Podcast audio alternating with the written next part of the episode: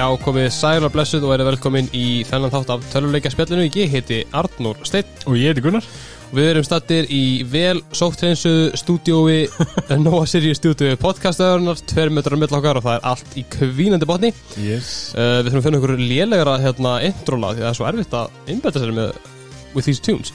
Uh, Podcastum.is er stúdfull af mjög skemmtilegum podcastum eins og við fórum yfir í síðast þætti þá er nýbúið að flokka þá niður í fimm þægilega flokka. Það sem að hver sem er getur fundið eitthvað sér við hæfi og hlustað á í þessu ástandi og líka bara án ástands. Öðleiðist, Já. nokkar á gaman kíkt á podcastuðina Þessi leikur er í bóði Elko. Elko eru þetta svona miðstöðu töluleiki unnan, unnandans. Og fyrir þá sem eru að hugsa um að koma sér inn í, inn í gaming bransan fara í PC gaming þá Mm. þá náttúrulega eru þeir auðvitað að selja fullt að leikja fartölum, leikja bortölum ef að þú vilt setja, vera með turn og ef þú treystir ekki eða kannt ekki að setja það saman. Þá eru að selja hérna fyrirfram uppsetta turna. Þeir eru auðvitað náttúrulega líka með hellinga af tölvuleikja. Skjám bara stólum, borðum heyrnatólum mís, mí, músamottur. Þú veist það væri vel hægt að missa sig bara í elko gaming deildinu sko. Algjörlega og þeir líka eru með hérna, fulltast flottast starffólki sem að aðstofa mann við hvert einasta skref og hjálpa manni með að finna rétt trúnum fyrir sig. já, algjörlega. Þess að líka í bóði veitingarstæðinslega kokk hann er í mjög flottum pælingum í dag að segja í COVID-ástandinu allana Já. þeir eru með hérna sem sagt uh, heimsendingu. Þeir eru með pöntur á netinu. Já, þú getur hérna, hvað er það, curb, já curbside pickup. Curbside pickup á- getur bara fengið, þetta út í bíl. Það er bara alveg hella þannig að já, kíkið endur á Lekokk, fáðu ykkur hambúrgur og clearing og sóta vatn með. Ógeðslega góð hugmynd. En hérna í dag þá ætlum við að fara í part 2 eins og þið eflaust lásið á titlinum sem verða, ég verða, ég verða að fara að fatta það að þegar við erum að taka upp þátt að þú veist, þú ert ekki að fara hvað ætlum við sér fara að tala um í dag? Eitthvað í dag, hvað haldið við sem fara ég veit alveg hvað er að tala um Arnór. Ég, ég las lýsinguna. Ég las, já, nákvæmlega, bara titilinn skilur en Að ég, ég, ég er mjög gamla þessu þannig að Já, ok, ok, ok, ok, herðu Ef að Gunnar hefur gaman þessu, þá ætlum ég að gera það. Ok, byrjum nýtt. Í dag, þá ætlum við að tala um Hvað ætlum við að tala um í dag?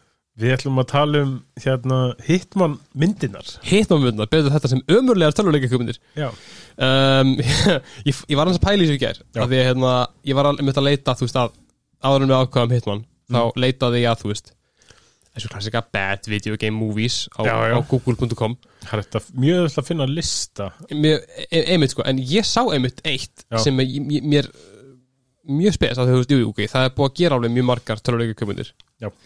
Mjög margar að þeim eru liðlegar mm en það eru sömur góðar. Já, alveg sko sömar Úst, ég ætla ekki, að- neina núna því að við, við, við, við, við komum til með að horfa á allar sko. En á þessum lista það var búið að setja veist, myndir sem eru ekkit lélegar, skilur, ekkit þegar þegar við erum að tala um lélega töluleika kökmynd þá erum við að tala um myndir svo Fighter eða Super Mario Bros sem fórum við síðan bara, Já. bara sko terrible kvikmynd. Bara á alla vegu. Já. Sem að tengist töluleikum ekki neitt. En svo koma út myndir, þú veist, sem eru kannski bara ágæðir, sko, ég ætla bara að taka dæmi, bara Pokémon myndar, bara gömlu já, Pokémon teikmyndar, þetta er ekkert lélega myndir. Nei. bara enga veginn, það er alveg úst, gott, gott production value í mörgum þeirra og, já, og svoleiðis, en, en, en samt, þú veist, ég meina, ok, það fengur kannski ekkert ekkert ykkur að kvínandi dóma á Rotten Tomatoes skilur en það þarf ekkert að þýða að einhver, einhver, einhver dúdimon hjá Vanity Fair getur bara sett það á einhvern lista yfir verstu þú veist. Einhvern veginn hann, þú veist, listanir eru svo óáreðanlega stundum, en maður þarf það bara að nýta það sem maður þekkir. Já, ég Þú man, ég var að skoða skoða eitthvað lista með eitthvað topp 43 verstu töluleika kvikmyndir já, nákvæmlega, Þú veist, já, og það var svolítið byggt á skor frá Rotten Tomatoes. Já, og það var eitthvað neðsta með, þú veist 3% eða eitthvað já og efst á með svona 70 já, nákvæmlega. Mér finnst það þá svona, ok, þú ert komin upp í það mikið. Já, þá, þá ertu bókstir bókstir bara að flokka töluleika Já, svolítið. að það er mjög spes. Jú, jú, töluleika kvikmyndir auðvitað með hann stimpil á sér að vera lélegar Já. og mjög margar af þeim eru það sko en Já. ég myndi nú alls ekki segja allar að þeim sé eitthvað slæm, sé eitthvað slæmur, sumar eru allt í læg Já, já, já. En þá ekki við í dag. Nei, því miður, það er bara því miður þann Já, á, á ég að byrja minni Já, hún ætla að kemur út undan, þannig að þetta er svona þannig. Ok, ég tók Hitman frá 2007 með Timothy Olyphant og Olga Kurilenko. Já, og þú náður þessu Hmm. Þú, þú hérna, náður þessu, Olga. Já, og já, til þess að svona ef ég á að líka þessu ferlið að taka tölvegg Mhm. fara gegnum þessi nöðsölu skref og breyta í yfir svona sómasamlega kvikmynd Já. sem er sem sagt trú, svona fer eftir source efninu Já. Þú veist, ef ég líki þessu ferli við það bara að ganga upp stiga eða eitthvað, þá dettur hitmannmyndin frá 2007 niður stigan og hálstrýtur sig byrja, byrja mjög vel Já, Ok. Þetta er sko ég mun fara svona yfir plottið aðeins og eftir, en byrjum bara frá það byrja frá bara svona leikstjórnum og svona Já, já, já, því sem verið gangi í framleiðsluferðlunum einmitt. Sko um, myndir leikstýr af Xavier Gens Ok. sem er ekkit mjög þekktur. Nei, svo svona gískaða það. Hann er, ég er allar rendur svona að segja hvað hann er búin að vera að leikstýra og svona. Já. Það er ekkit eitthvað mikið sem að kannast við sko. Nei, ég skilði en þetta er hans þetta er svo mynd hans sem hefur verið hvað mest successful. Nei. God damn, ok. Budgeti var eitthvað 24 miljónu dólar Já. og fekk 101 miljónu dólar í box office. Wow. Já. Þannig að eh, þetta er léleg, hitt, léleg mynd en hún hún borgaði sig. Þetta er bara hittari. Já, Það er svona, svo til. Já ef, ef hittar má kalla. Já, já. En já, uh, sem sagt það var mjög sko fyrirlega eitthvað í gangi við productioni og nokkur vikur svona en myndin uh, átt að fara að koma út þá byrjaði að koma ykkur fréttur um að sem 20th Century Fox stúdíóið hefði bara hafnað útgáfunni eða sem hafnað myndinni. Já, ok. Bara út af of mik miklu ofbeldi. Uh. Þannig að hafa gæi sem heitir Nicholas Letoth sem var fengið til þess að edita myndinu upp á nýtt. Ok.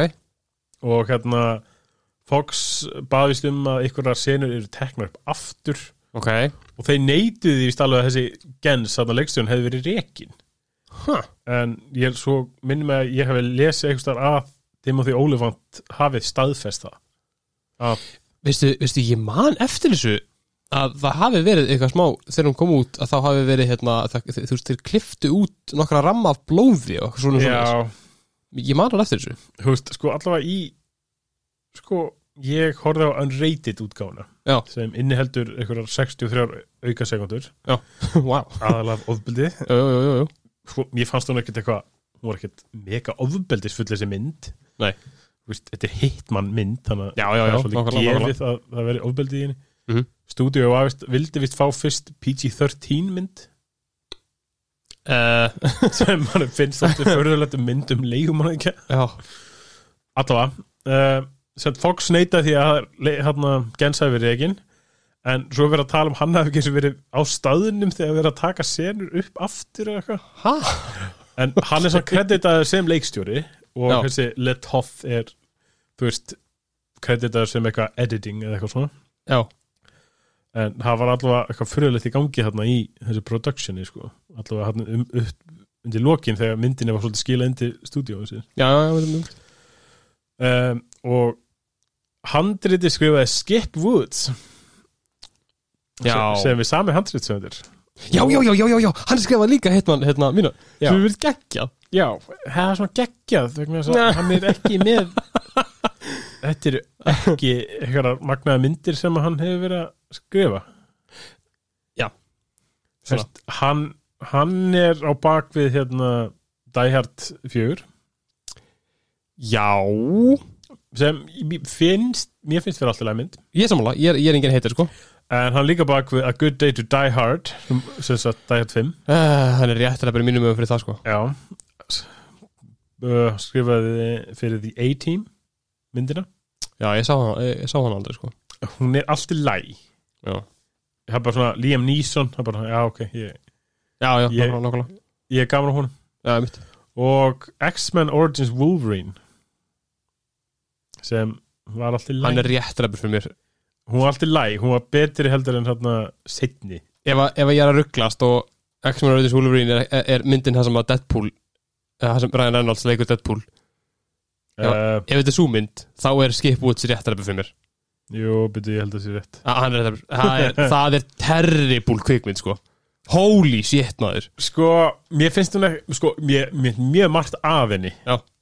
en ég hafði alveg svona gaman að ímsu í henni. Já, ok. En ég, ég skilaði 100% hvað hún meinar sko. Ég, ég, ég var, ég, ég urraði í bíónu, sko. Bara, já, ok, en þessi já, við skulum efni Já, já, já, ok, um, ég svolítið fyndi í opnunar kreditlistan það er bara að kynna bara svona Mm. það sem síndar svona senur af einhverju strákum, svona ungu strákum sem er að tattúera streikamerki í hausinn uh, uh, uh. þjála upp í einhverju vopnaburði, barðalistum eitthvað svona Já. þetta er svona senur úr þáttanum Dark Angel Nei, Jú. what? og þetta var hend inn í til þess að spara pening Ok þegar að það var tekið ákvörðum um að taka upp einhverju senur aftur og eitthvað þannig að, já, en alright meir, kem meira að því. Já. uh, eftir, en já, svo Vin Diesel var vist fyrsti kostur. Ok, það hefur verið bilað. Já, og Jason Statham var svo næsti. Það hefur verið ennþá bilað. Og þú veist, þetta er svona svolítið hugsunir bara hjá Hollywood, bara svona, herri, við sköllótt á leikara. Já, Vin Diesel, Jason Statham. Mm, já, það er Uh, uh, uppteknir hvernig ég var. Dwayne Johnson verður ekki frægur fyrir neitt svona uh, sex ár. Hmm. ég veit svo sem ekki alveg hvernig sko, ég hugsa ef að ég veit ekki ándjóks ekki hvernig þetta hefði orðið. Ég held að væri svona erfitt að fá Jason Statham í mynd og eiga að leika hérna þetta tilfinningalösa kaldrifjaða leigumorðingja tröll. Já, hann er hann er svo mikið með svona einhverja one-linera Það er- rétt sko, hann verður- að vera Hann verður að vera hjút sko. Já, og Vin Diesel er svona að ég veit það ekki. Hefði verið áhugavert Það er áhugavert sko. Þú veist, hann en áhugavert þýðir samt ekki alltaf Nei, áhugavert þýrum ekki alltaf gott sko. En herri, ég ætla að taka plotti fyrir. Já. ef kalla á plott. Allan, já, eins og ég segi myndi byrja að senda á kreditlista. Mhm. inn á milli er svona klippur af ungum strákur sem vera að tattu vera streikamerki Mhm. og vera að þjálfa. Og þannig er bara orð, þetta, myndin byrja með illa þess að orðinsagan er eðlöð strax. Ok þess að hann er klón í, Já, já, já, já, já, en já. þarna er eins og þessi þjálfaði svona upp ykkurir strákar. Einmitt. Þannig að þetta byrjar ræðarsætt mjög illa. Ok. Og myndin sjálf byrjar sem þetta á Interpol fulltrúin Mike Whittier. Mhm. kemur heim til sín um nótt og þar tekur 47 á mótunum með byssu. Já. og herjá, við skulum kannski segja spoiler alert bara fyrir þá sem hafa ekki séð Já, myndina vá, auðvitað. Já, spoiler alert, við, við, þetta verður ekki spoiler fyrir umræðum Nei, alls ekki sem sagt, 47 tekur á mótunum með byssu og þeir ræða svona um líf 47 sem leigumanningja og er mjög furðuleg sena bara mér fannst ekki þörfa á henni Nei. og sem bara ræðum svona lífið eitthvað hans og hans í alin upp á The Organization Mhm. og sem er líka rátt það þeir heita það ekki í leiknum Nei, nei, nei, einmitt Þú veist, í, leik, í leikjunum er þetta ICA International Contract Agency Já. sem, veist, þarna veist, gerar aftur eitthvað svona sem er ekki partur af þarna eðilegjar aftur svona source material Já, já, já, já, já, ég skilji, ég skilji þetta er bara svona randnafn fyrir fyrirtæki sem hann vinnur hjá. Og hérna svo kemur, þú veist, er kötta aftur í three months earlier.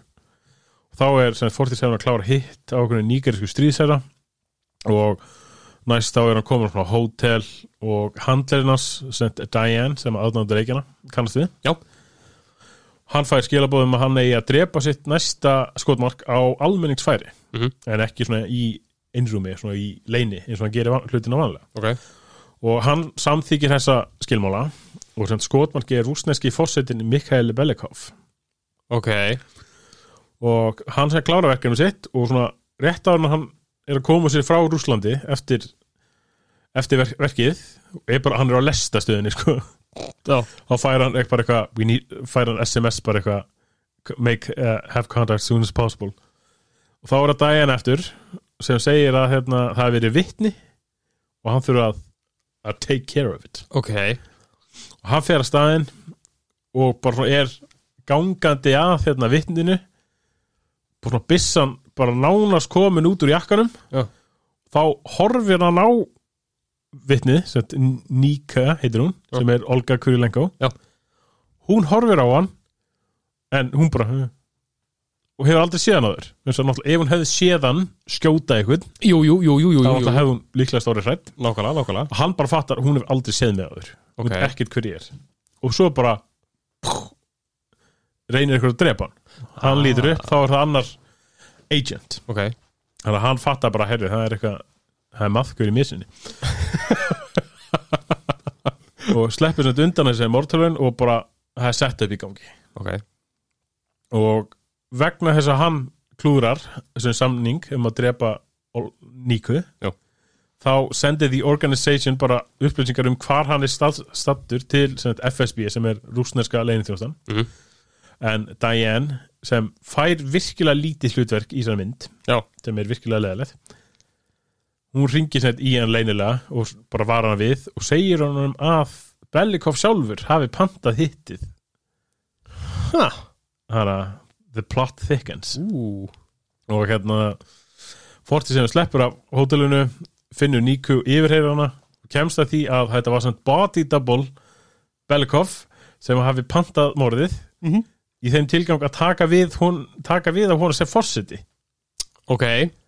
Og hérna fyrirtækið The Firm sem er að vonast eftir að ná bara svona inn samböndum inn í þessa nýju ríkistjórn bara setja upp hérna eh, setja upp 47 til þess að drepa Níku Mhm. og svo drepa hann til þess að covera upp öll svona tengslumverki Já, já, og hérna 47 og Níka lendi vandræðum ráðust að af fleiri fleiri agents 47 náttúrulega að tækla það eins og eins og jú, svolítið Vitti er þarna Interpol fulltrúin Já. reynir að handtaka hann, mistekst og Níka samfærir 47 og drepa hann ekki. Ok, og þá er sem Vitti er skipað af Markov sem er svona yfir yfirmar hjá þessari FSB rúsnesku þjónustu að fara frá Rúslandi og hann mun sjá um þetta manhunt. Ok og Forster hefur, hefur svo samband við sind svona tengilið hjá CIA sem er Agent Smith sem kemur líka fram í leikjunum. Og gerir með hann díl og dílinn var sætt eitthvað rosalega furðulegur. Já, hann basically hann, já, hann blackmaila hann eiginlega bara. Ok, og sem sagt um að fá staðsetningun á bróðir Belikov sem heitir Udrey Já. og skiptið fyrir greiða þá muni sem sagt Hortið sem muni drepa hérna bróður hans og fá, sem fær staðsetninguna hjá Smith og fær hérna, fær eitthvað greiða svona líka. Ok. Níka og 47 færast til Istanbul 47 reynir að finna Price sem er hérna vopnasali sem er um að fara að hitta hennan Udrey Ok, og kemur ljós að sagt, Price og Útri höfðu aldrei hist. Þannig að 47 gætt bara svona tekið hérna tekið hans stað ok. Og gerir það fer svo hittir Útri sem er svona mjög fyrirleg sena Mm. og sem er bara svona enga veginn svona pass, takt við leikin Ok, en hann drepur svona Útri að mjög hávaran hátt. Ok. Og neyðir þar sagt bróður hans sagt Belikov til að mænta í jarðaförun hans sem er þá opinn fyrir almenning. Og fórtið sem rænir svo þessum Markov FSB Já. skipar hann, neyðir hann til að skipa sínum mönnum að trubla jarðaföruna meðan fórtið sem dulbú sem hermaður. Og svo hann geti í rauninni drepi lí, lífverði þessa, þessa fake Belikov og svo hann sjálfan. Mm 47 er svo handtekinn af Interpol eftir þetta. Þá kemur greiðin frá Agent Smith. Mm. Sem að basically stoppar og tröflar Interpol nógu lengi til þess að Hitman geti þess að 47 geti sloppið Já, ég skil, ok, ok, ok og þá eru komin aftur í hús þarna Whittier Já. í byrjun þar segir bara 47 að bara Whittier þurfa að fylgja sínu plani að hann láti lögla vita að hann hafi drepið agent, að hann hafi drepið Agent 47 á heimilinu sínu Mm. sem er samt fake Agent 47 bara það var eitthvað gæi sem að sem að þarna 47 var búin að drepa bara á heimilinu hans og skildi hann eftir Ég skil, frábært, -hmm. frábært og segir bara að hann mun ekki lifa ef hann gera það ekki Já. og svo fyrir til Olgu aftur og þá hérna er hún að opna umslag að einhverju vínegru sem var vist eitthvað draumur hennar Já. ég man ekki eftir því úr myndinni þetta var eitthvað einn svona þetta leit meir út, þetta var svona en hvað með Olgu? Já, Hvað er hún að gera? ok og veist, ég er, ég er þetta að sleppa yfir ímsar svona parta af leiknum sem að eitthvað dialog milli hennar og 47 Já. alveg sem ég finnst það ekki neðsynlegt en þú veist svo er svona hort á hana gegnum svona snæper einið. Og svo Timothy Olyphant segir ég var að eitthvað við. Og svo kemur svona skotið yfir dauðan agent sem hann hafi drepið. Oh, shit. Og 47 gengur í burtu. Ú, og þá myndi búin bara, bara búin bara á, já, já, ég skil. Myndir einn og hálfu klukkutími. Ég skil. Hún er alls ekki löng. Nei, og plottið er eitthvað eins og eitthvað svo furðulegt finnst manni. Mhm. og bara svona ég finnst þetta mjög furð, bara furðuleg mynd. Já. Hún hljómar það. Já, hún er bara, mér fannst mér plotti bara mjög bara mjög óspennandi. Og enga veginn svona í takt við leikina sjálfa í rauninni. Nei, um, hérna ef ég rennir svona kannski aðeins yfir leikarna Já. þú veist náttúrulega Timothy Olyphant leikur 47 Mhm. og fyrir svona þá sem að þekka hann ekki hann náttúrulega Deadwood, Justified, Santa Clarita Diet uh, vondikallinni Live Free or Die Hard. Mm ef þið hafið ekki séð Santa Clarita Diet gerið það, því að hann er sko, ég var alveg Timothy Olyphant fan með þess að þeir sá þessa mynd sko 2007 já, elska Timothy Olyphant, en sko hann, hann er eitthvað annað fyndin í ég ætti að tjekka hann sko. Ég, hef teirt góða hluti en ég, er alveg mikill fan líka sko. Mhm. og hérna, ég, er alltaf gaman á hann sko. var hann kom fram í hérna, bandarska office í ykkur þrjá þætti sko. já hann var svona mjög, svolítið out of place þar pingu, að svona en það, ég, það var, ég held að það hafi svolítið verið svona pointið já, en hann svona hann nægir alveg að leika Agent 47 sem svona þennan tilfinningalösa kalda legumanningja já, þú veist, upp að ákveðinu marki. Þú veist hann er eitthvað svo- svona hálf vandræðalegur ok. Þú veist í eitthvað svona eins og hann er eitthvað að tala við Olgu hann tala við eitthvað konu og bar. Og þetta er bara svona eins og þú veist, jú, jú, hann er náttúrulega alinn upp í leikjun sem, hann er bara svona klón. Já, já, já, já, með ömuleg social skills og svona. Já, en í leikjunum er hann, þú veist, hann kann alveg að tala. Já, þetta já. er svona vandraleg svona interaction bara svona sem mann er fann svona uh, það væri alveg hægt að sleppa þessu. Ég mitt og fannst það kannski ekki alveg passa í þetta hlutverk. Ég er svona rosalega báðum átti með hann vegna þess að þú veist, jú, hann, hann gerir þetta alveg ágætlega. Veist, hann leikur hann alveg nógu vel hann stendur sér alveg nógu vel. Skulum við bara segja það.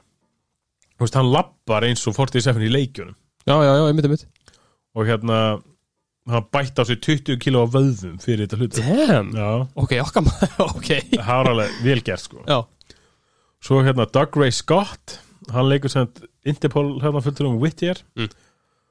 og þú veist ekkert merkilegt bara að segja um hennan karakter. Nei, Þú veist, hann er hann bara. Já. Þess að myndi þarf svona einhvern til þess að elda 47 ég skil, ég skil, já. Og þú veist, fyndi, hann, te, hann er alltaf að taka upp síkart í myndinni. Ok, hann kveikir aldrei í henni. Það er ógeðslega pyrrandi í, í, einni seninni setur hann síkart upp í sig tekur hann úr sér, setur svo aftur upp í sig. Vá, hvað það er pyrrandi veita.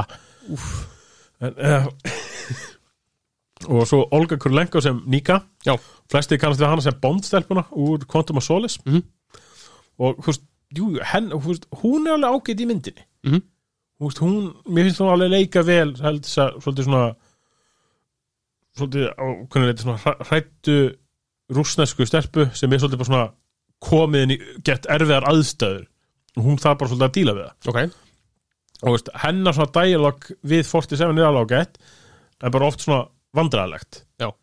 Og bara svona veist, það er eins og þessi verið svona að gera eitthvað svona sexual tension eða eitthvað svona Á, já, já, ah, já, ég sem skil, er ég svona skil. hálf bara furðulegt eitthvað Já. með þennan karakter. Er ekki, er ekki hérna Hvað kallar maður aftur, hérna Skildu svona kynlífsatriði í þessari mynd? Uh, það er sena þar sem að hún þú veist, ég held að hún sé bara nakin nefn, Já. fyrir utan, nefn hún sé í nærbjöksum Já. og hún svona leggst ofan á 47 á rúmi Cozy. Já, og hérna hann svona stuðar hann eða eitthvað með einhverju, einhverju poisoni svona, Já, já, já, já, já, auðvitað, auðvitað, ég maður núna, já, mitt Ok, Færði ekkert frá mér konu Vík Satan. Já, rokkla um, Robert Knepper sem, sem leikur FSB fulltrúan sem rúsnesku leini þjónustumannin Júri Marklov. Já, já Uh, þessi. Já, hann, flestir náttúrulega þekkja hann sem skýtsið og Theodore Teabag Bagwell úr Prison Break maður sem dó ekki í þeim þáttum. Já. En ég held að sé alveg svona merkjum hvað hann er góðu leikari. Já. veist að það hata hann allir eftir Prison Break. Það er rétt, hann er ógeðslegur í Prison hann er, hann er, hann er gekkja góður sko. hann er mjög góður. En hann, náttúrulega, hann er alveg með langa leikara feril. Þú veist, komið fram í mörgum svona þáttum and Order, Stargate, NCIS West Wing. Hann er mjög mikill svona ka karakteraleikari sko. Já, hann hérna kom fram í síðan tíma. Já, ég mundar ekki að það Ok, já. Um, hann byrjar byrjar myndina með rúsneskum reym og sleppur hún síðan bara Vá, lokin. hvað það er fyndið. Veist, Ó, það ég elska það sko. Það er sem sena þegar hann er læstur í bað, baðkari og sem sagt þegar 47 er svona skipunum að segja sínum mönnum að skjóta já, Þá er bara heimurinn farin. fokk hvað það er fyndið Vá maður En já, ef ég ætla svona að summa þetta upp. Myndin sjálf er bara allt í lægi V-mynda actionromp. Ok, Me, meira ok. svona Jason Bourne mynd, stæl mynd ekkur. Ok, Bara Jesus Christ, it's Jason Bourne. og veist, hún myndi mig á tímum oft bara á, mér fannst þess að ég væri að svolítið að horfa á fyrstu Jason Bourne myndina. það er eftir með þessar rúsnesku stelpu sem er með honum já, eru í bíl saman Einmitt. og ég var bara svona, ok, þetta er svona veist, þetta, þetta er svona svipað að mörguleiti Já, já, já, já. En semst aðdándur náttúrulega leikjar er bara sviknir svolítið af baksögu 47 í myndinni. Já, já, að í leikjunum er hann svona klón sem er samansættur úr DNA úr fi- fimm af heimsins hættilustu glæbamunum Mhm. og í myndinni er hann bara einhver, einn af okkur börnum sem eru þjálfuð upp í vopnum. Og bara sprengja Já, hann á já, bardum og svona. Og veist, þetta breytir alltaf origin-sögun svo ógislega mikið. Og gerir myndina í raun ekkert að myndum Agent 47 eða Hitman. Veist, þetta er ekkert Hitman mynd, þetta er bara léleg leigumorninga mynd. Já, einmitt. Og veist, það er svona eins og að vera að gera svona, ofta, svona einhvern meira mannlega á tímum. Já, sem mistekst finnst mér bara. Þú veist, að færi eitthvað svona one-liner eða quips eða eitthvað. Já, já, já, einmitt. Sem bara passar ekkert við hann einhvern veginn Olifant þáttur að hafa leikið þetta bara svona allt í læ þá er þetta svona rosalega svona að, þetta er ágætt, þetta er lélegt, þetta er ágætt þetta er lélegt. Og þetta er svona það virkar eftir að finna eitthvað ballans á milli þess og leika hann karakter almennlega sko. Já, ég skildi um, svo náttúrulega er svolítið málið líka að leikinni snúast um að Agent 47 sé þessi ghost. Já, sem bara skilur ekki eftir sér neyn verksumverki Nei. og það er talað um það í byrjun myndarinnar þegar Interpol fulltrúin sem er eldast við 47 er að tala við laurugluna í Nígeríu og að tala svona um að hann sé the ghost, það viti enginn hvernig hann líti út hvernig hann operati og hann sé grunaður um veist, þessi svona mörg morð Já. en það viti enginn neitt um það. En þá svo er bara gett marga sena sem 47 bara sprengir ógeðslega mikið upp skýtur, skýtur fólku upp eins og hann þegar hann drepur bróðir Belikov já. Það er bara eitthvað massacre sko. Það er bara hann bara í byssubardaga sko við tíu manns. Fokk hvað það fyndið og þú veist leikið þið snúast um það bara láta líta út sem eitthvað slís sníki sko. Fórst í sefni leikjur og vel ekki ekkert að taka eitthvað svona samurai showdown eins og gerist í einni senu. Með öðrum leigumorningum ok. Og þú veist líka eitt það sem hann náttúrulega gerir mikið af í leikjunum er að nýta sér duðlegjari Já, veist, klæðis upp sem lögga eða kokk eða smið Já, eða, ég, ég, ég ætlum að spyrja, gerir það ekki þessa myndið? þú veist, ég held að ég, ég tók bara eftir tveim skiptum. Já, ok. Já. eitt þá svona fer hann í eitthvað svona uh, held að hann svona eitthvað Royal Guard búning. Já, og svo í setna skipti er það betra, þá klæðir hann sig upp sem hermaður eða þá með gasgrímu. Já, ok, ok, það er eitthvað. Og hérna, Þannig að hann alltaf gerir einhvað sem, er, sem, hann, já, sem hann maður, á að gera. já, maður finnst þetta samt ekki svona, þú veist, nógu svona vel implementað svona úr leikjunum yfir á myndina. Já, já, ég skilði, ég skilði og svona, Ok. það sem svona kemst næst í að vera hitman í þessar mynd Já. er þegar Fortið sem stekkur út um hótelglugga sinn með kaðli Já, og sem stekkur svo inn úr gluggan fyrir neðan þar er fólk að spila Hitman Blood Money. Nei, alveg Já. Og líka það er ekkit svona það er ekkit svona laumulegt vegna þess að það maður sé bara svona í autofókus Já, og svo fókuserar myndin á leikin þannig að þetta er svona þetta er svona aðeins of obvious það er ekki þeirra, já, einmitt Jesus maður. Já, já, og mann finnst þetta bara svo eitthvað svona léleg ending. Og veist, það er bara ekki hægt að búa til einhverja meðalmennsku actionmynd Já. raka hárið af aðleikarinn og kalla hitman það virkar ekki alveg þannig. Nákvæmlega. Og veist, ég efast um að eitthvað fólkin sem hafi komið gerð þessar myndar hafi nokkuð tíma að spila bara hitman eða bara haft samband við eitthvað frá hérna fyrirtekinu sem að. Eidos held ég að heiti Já, mér meina að Eidos sé hérna útgefundina, það er uh, IO Interactive sem, Já, já, sem var fráliðis En þessi mynd er basically bara 20th Century Fox að gefa öllum aðdándum leikjana puttan. Frábært Já, ég held að það sé svona mín súminning á þessa mynd. Ok, en, en það er einhver ljósum myrkrinu, þú veist, hún er Þetta er svona, Já, já. hún er skemmtileg, þú veist Eða svona, eða nei, eða, mm. Það er skemmtun í henni Já, já. Já, ok Þetta er sko, úst, það er ekkert sem grípur mann. Veist, það er plottið er mjög bara svona meh.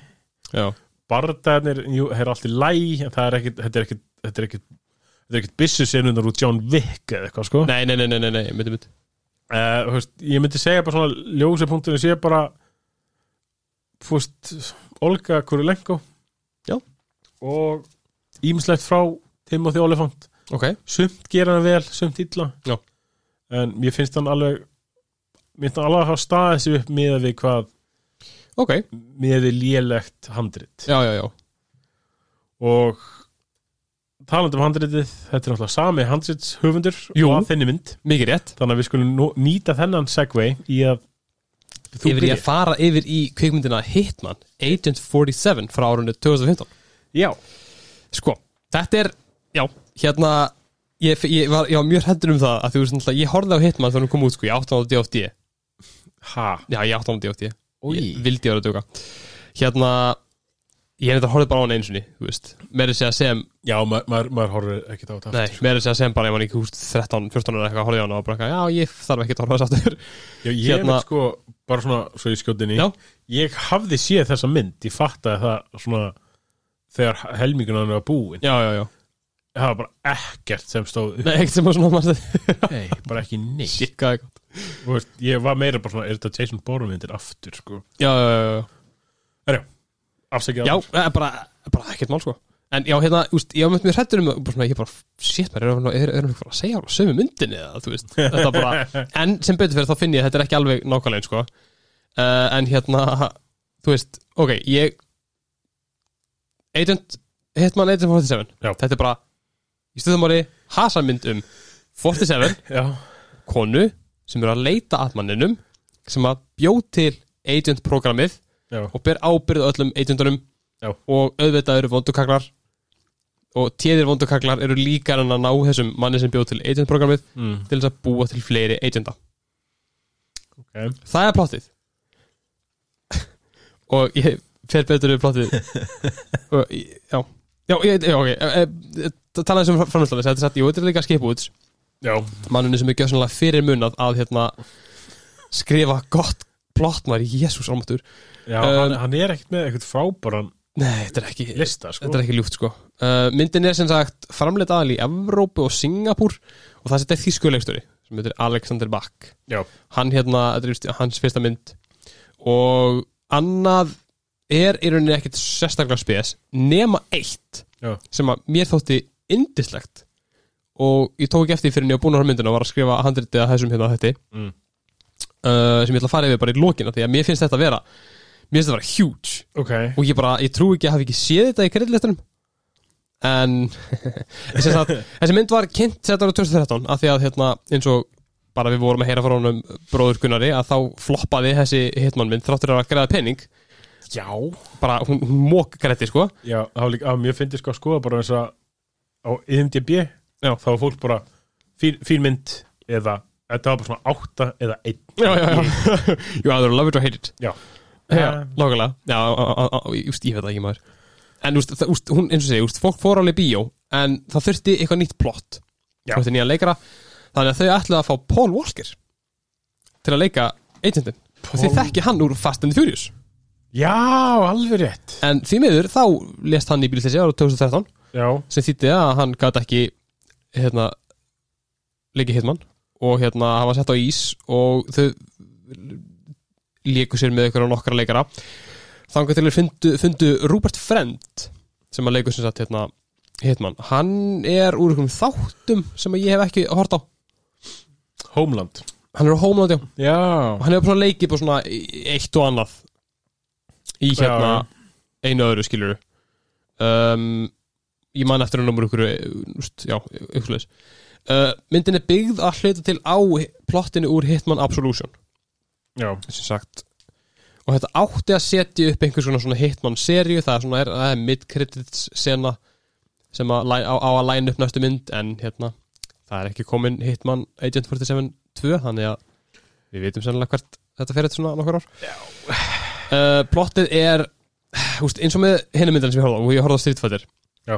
og eins og með bara það að horfa á lilla mynd bara veist, það er svo erfitt að fylgjast með plottinu, bara hvað er að gerast? Því að bara, bara veist, mað, veist það er eitthvað með lilla myndir. Plottið verður bara að vera ógeðslega flókið af bara engri veist, það er alltaf svo mikið twists og turns og eitthvað og bara, veist, ég var mjög lengi bara að fatta nákvæmlega hvað var að gerast. Mér finnst þetta eins og þú sétt að lýsa mér að horfa á mína mynd sko. ándjóks, bara, veist, það að horfa á lilla myndir bara erfitt, sko.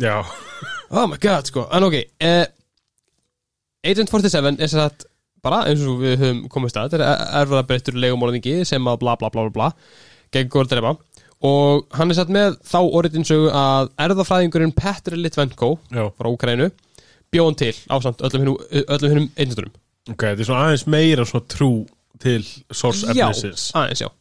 Um, sem sagt og það, það, það, það finnst ykkur major, plot point að þessi Petter fekk mega samvinskupið eftir að hafa búið til alla þessa agenda og bara skrappaði verkefninu, skilur Já, en mér finnst mjög spes að hann húst, bjóð til húst, hundrað og svo var bara eitthvað, nei, ég get ekki meir. Svona, þú veist, ég hef skilið að hann búið til þrjá og bara nei, við erum að gera mistök. No, it's, it's an abomination. Já, nákvæmlega, svo bara hundrað manns bara eitthvað út í heimi að myrða alla, hann bara nei, nú ætla ég að Þú segir skoðun." stopp. Nú segi ég stopp. Og hann drepur ykkur að gauðra og það er bara mjög cool Og já, það er bara ykkur kortir í myndinni. Og hann gera alveg vel sko. Já, Og svo víkur kvæði okkar allt í einu af einhverjum ástæðum að henni Katja Van Dís ok. sem er kona uh, og hún er bara að leita ykkur manni og hún er meðvist ykkur svona daredevil krafta þannig að hún heyrir skástrík sér veit af fólki og mönnu, fólki og öðru. Á þess að sjá þá. Já ég veit það, hún bara allt í einu er um svona, svona eitthvað svona dæmi þar sem hún bara veit hvað er að gerast. Ok. Já. og hún er bara ekki mikið að leita ykkur manni. Og hún er bara svona geðveitt eitthvað svona ákveðin eitthvað á okkur bókasafni í Þísklandi bara eitthvað I'm looking for a man eitthvað bla bla bla. Og hún bara eitthvað konulega bara eitthvað can't find him. Hún bara eitthvað eitthvað, þú veist, kemur svona geðvikt specific bara eitthvað, árið 1989 hefur hann verið svona 49 ára bla bla, hann bjó hérna, bjó hérna bla bla bla, hann með þetta hár, þessi augu, fyndan. Og hún bara eitthvað, if I don't have a name I can't find him. Og hún bara eitthvað, bara eitthvað svona geðt erfið ég bara eitthvað svona, af hverju, wow, þetta var svo mikið af plotti eitthvað Er bara hún bara eitthvað áreita bókasapsfræðingin bara eitthvað? Basically svo fyrir hún eitthvað að sér hérna ólulegt vegabrið og eitthvað bla bla bla þetta er eitthvað mega, þetta er eitthvað crazy dæmi. Svo kemur 47 og hann á að drepa hana. Ok. Og það er einmitt hérna okkar allar besta hérna leikinn af leikinn af hongkongusku leikurinu Angela Baby.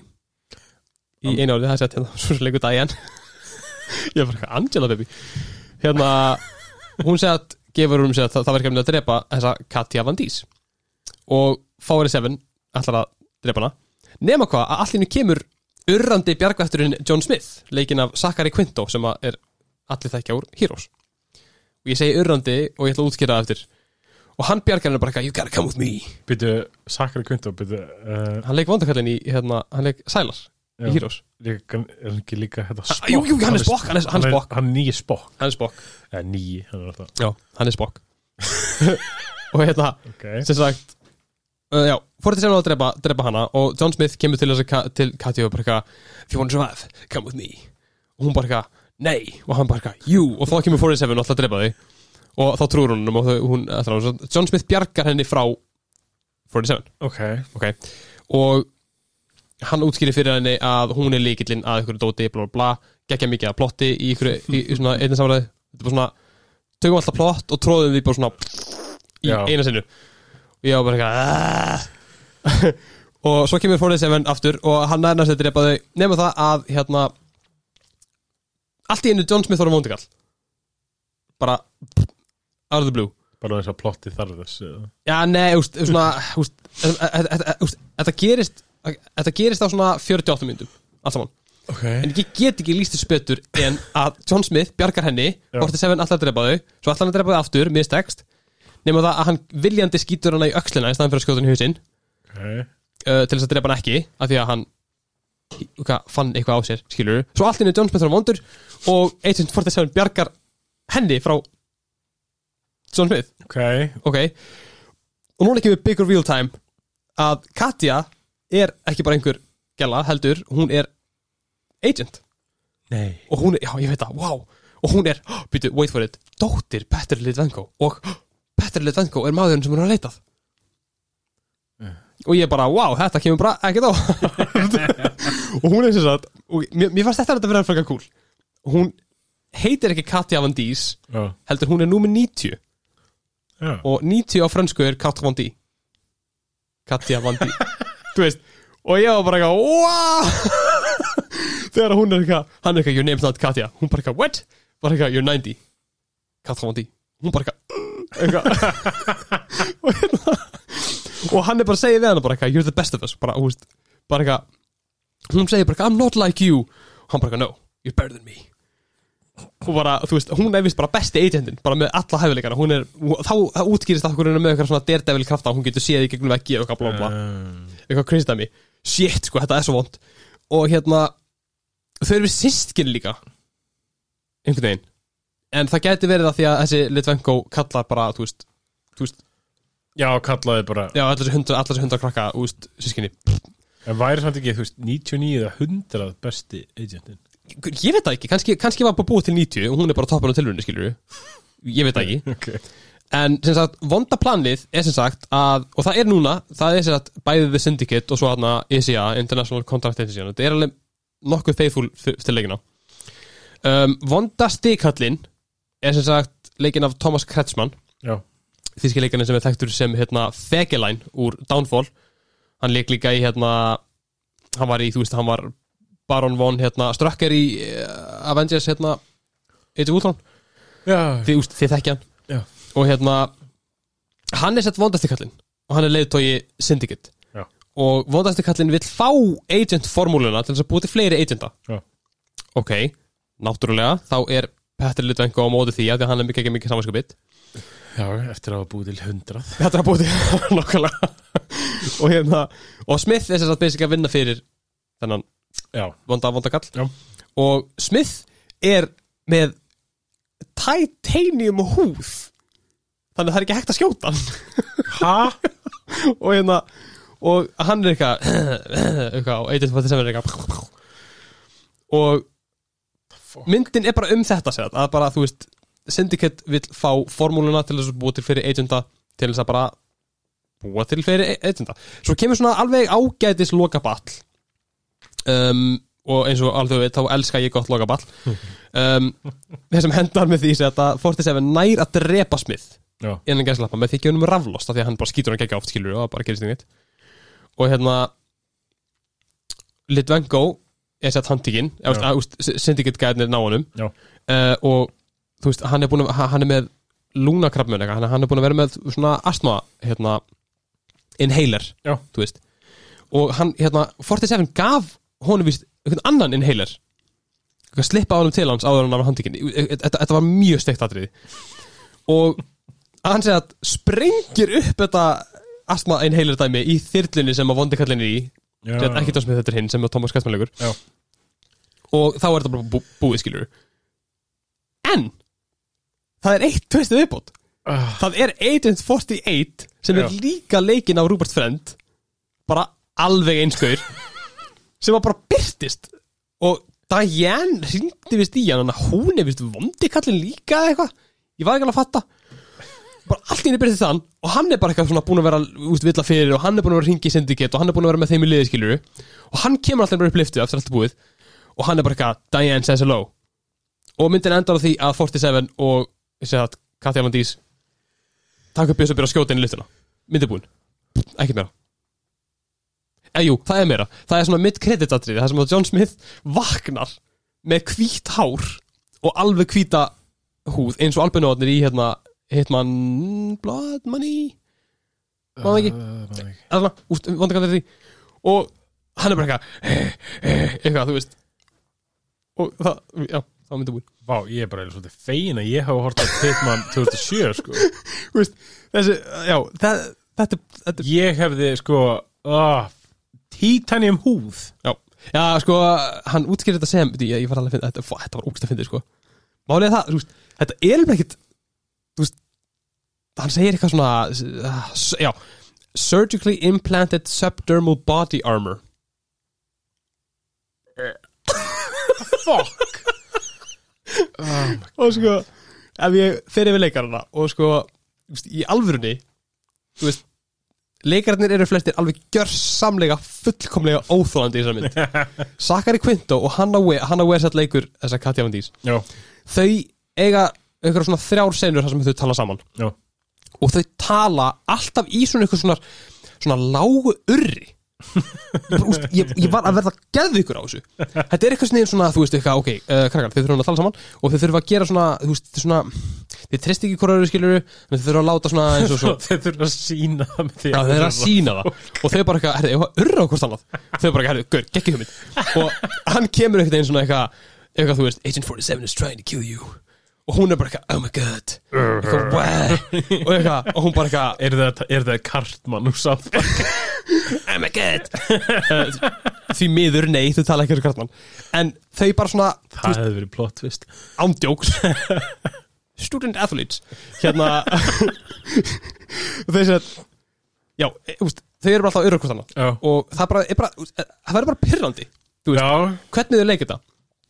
En það fá alveg, þú veist, tveir leikarar bara prek fyrir að vera bara svona eðlilegi, skilur, reyna bara svona, reyna, reyna, reyna að vinna með þetta glataða handrit, skilur en loka protestið er bara ekki gott, skilur nei, en uh, Rupert Friend, sem leikur Agent 47, hann er bara actually ágætur. Ok. Þú veist, það er bara gaman að honum að sjá hann og hann bara hann nær að vera þú veist einmitt bara svona, þessi svona kaldri við morðingi skilur hann tekur í rauninni aldrei neitt svona eitthvað þú veist, moment þar sem hann er ekki Agent 47 Nei, þú veist, eitthvað svona kvikmynda þar sem hann er bara eitthvað svona, að ég er efast um að sem er að gera. Veist, hann er bara, þú veist, maður sér í augunum hann er að fara að drepa gaur ef hann þarf að gera það skilur já, ok, ok. Og sem er alveg gaman þú veist, Já. hann er hann, hann með svona nokkar svona úst, exposition línur eitthvað, þú veist Katja skýtur á vondakallin og hittir ekki Já, þú veist, og vondakallin urrar eitthvað, haha, she missed. Og hann segir eitthvað svona úst, 1847 segir eitthvað svona, no she didn't. Og þá kemur alltaf einhver þóttur hefill og blá blá, basically, veist, veist hann virkar alveg það sem hann á að virka já, en bara handritið bara fer mjög illa með hann. Uh, en aksjónsennuðar í þessari mynd eru er alveg dröldu góðar. Veist, hann er alveg með Ok. hann fullt af svona slást aldriðum og gunplay líka. Já, hann fær alveg gott batt fyrir hvað hann fær að skipta um búning alveg nokkur sinnum hann Já, verður, ok. þú veist, öryggisvörður, hann verður lauruglumadur hann verður hérna uh, slökkulitmaður og það er gert alveg svona vel eins og veist, í leikunum, veist, í leikunum hann alltaf, þú veist, ítum Rex og hann bara er orðin búningurinn. Þarna það bara svona, sé maður bara, hann skiptur um föt bara geðveitt rætt já, ok, ok. Hann er svona, þetta er svona skemmtilegt callback til leikjana veist, gaman að segja það sko. Ok, ok. Svo er þessi Katja Van Dís Já, hún er ótvírægt versti hlutinu við þessa mynd. Hún er svo leiðileg. Allar línundanar eru svo bara svona annarkost þvingaðar, ofleiknar eða bara svona kvíslaðar, skástrík urraðar. Já, ok og hérna, já, og hérna hvað er ég að? Já. Og hún urra hún, hún, hún, hún, er bara svona geðvitt suspicious um allt. Já, hún, hennar plotline er að vera bara ge- geggjað suspicious. Og þú veist í byrjuninni þá náttúrulega er hún veist, að leita, leita þessu manni og hún er að fara í gegnum eitthvað blá blá blá og er bara geðvikt hérna suspicious. Mm. og bara hún er bara geggjað suspicious. Geggjað torstrykkin bara eitthvað horfir í kringu sig eitthvað "Oh my God," eitthvað, þú veist. Og bara, úst, ég get ekki ímyndað með leikstjóðuna þú veist, bara einhver gæi sem að var að horfa á hana skilur bara herðu ok, þú voru að vera torstrykkin Já. hérna vestur svona svolítið torstrykkin þú vestur svona, svona varum þig. Hún bara eitthvað, ok, ég ætla að vera torstrykkin sem karakter sem ég get ímyndað mér. I got it, skilur, bara ég með þetta bara pyrrandi, skilur sama með, með John Smith, hann er, hann er næst mest pyrrandi hlutur um þessu mynd sem að Sakari Kvindalegur sem er mjög, mjög illa fara mjög góða leikara. Bara, Leðilegt að heyra. Já, allt sem hann segir á að hljóma ekki eitthvað cool en það bara endanum er ekki eitthvað ósamfærandi. Þú veist, til dæmis 47 stingur með hníf. Hnífurinn er það bara brotna skilur á subdermal body armor. Og það gerist í neitt og hann er bara svona ekki segir geðvikt döflega eitthvað svona pretty crazy, huh? þú veist, þetta er svona Léleg. hann, hann, hann er bara þarna til þess að vera einhver svona, svona, svona lappandi exposition atriði slást og vera með svona vondukakla svipi.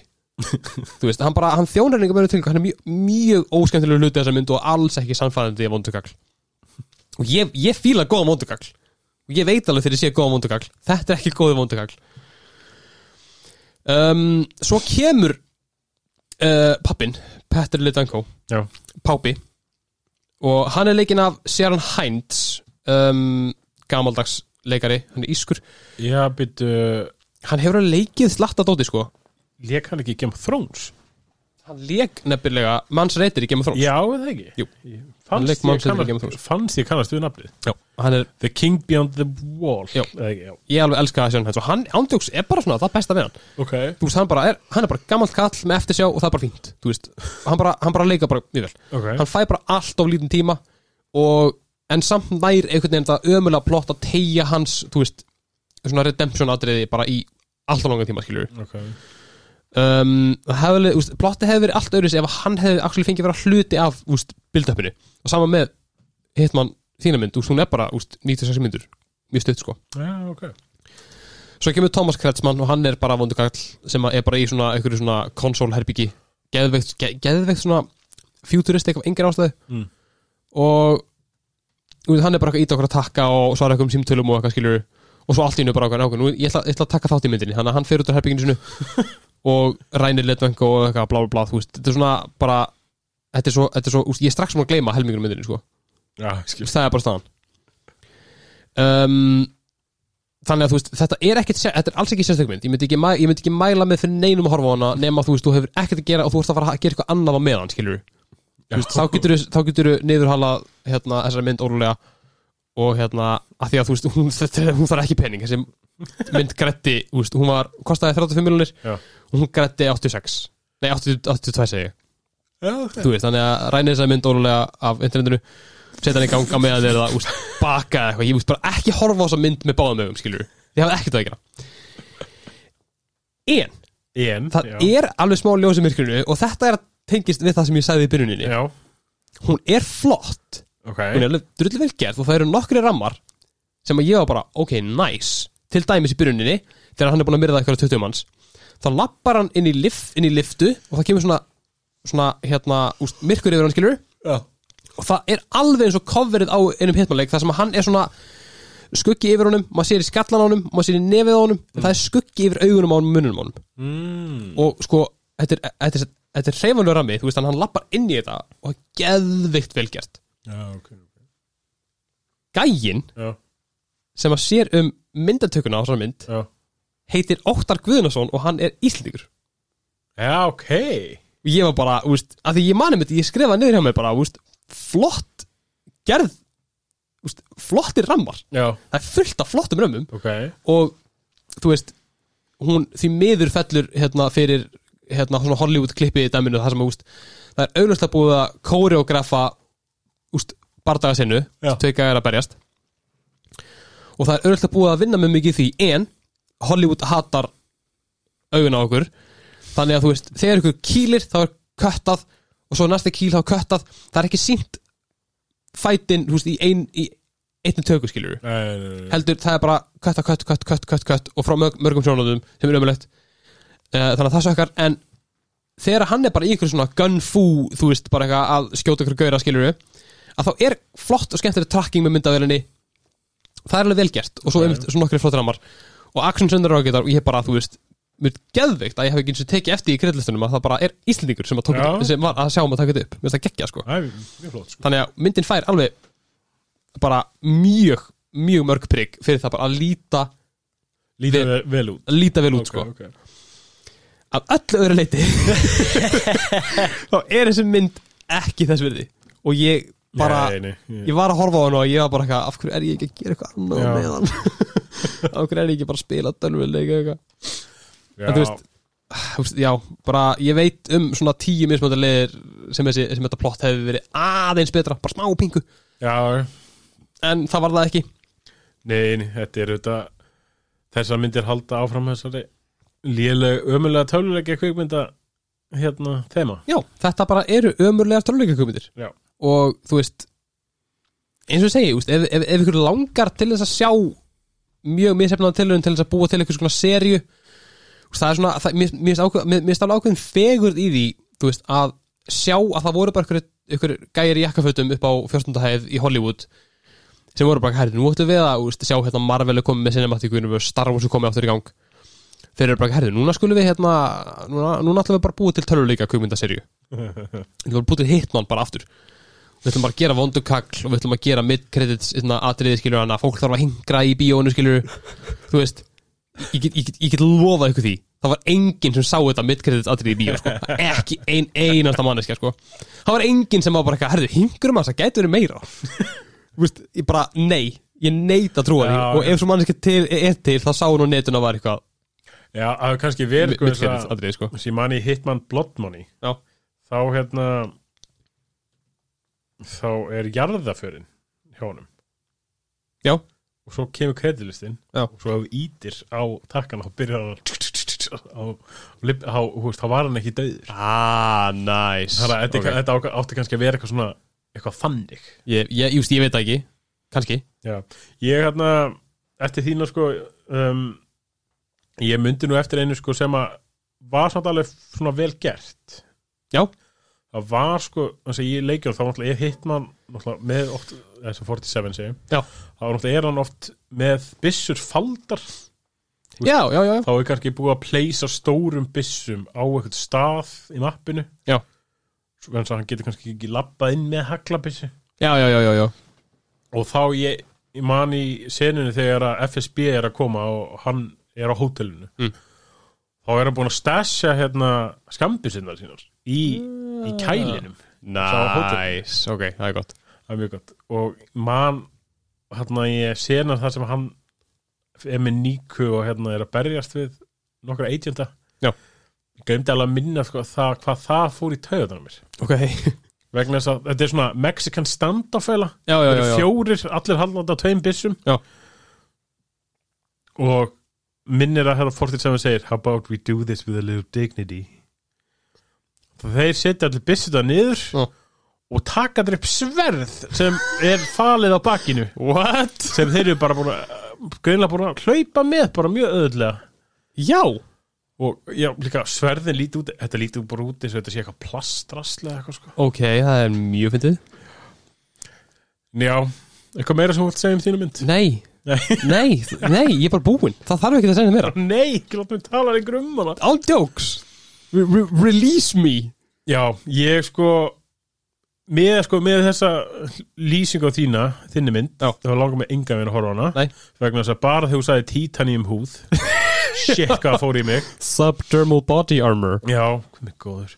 Það er hilarious.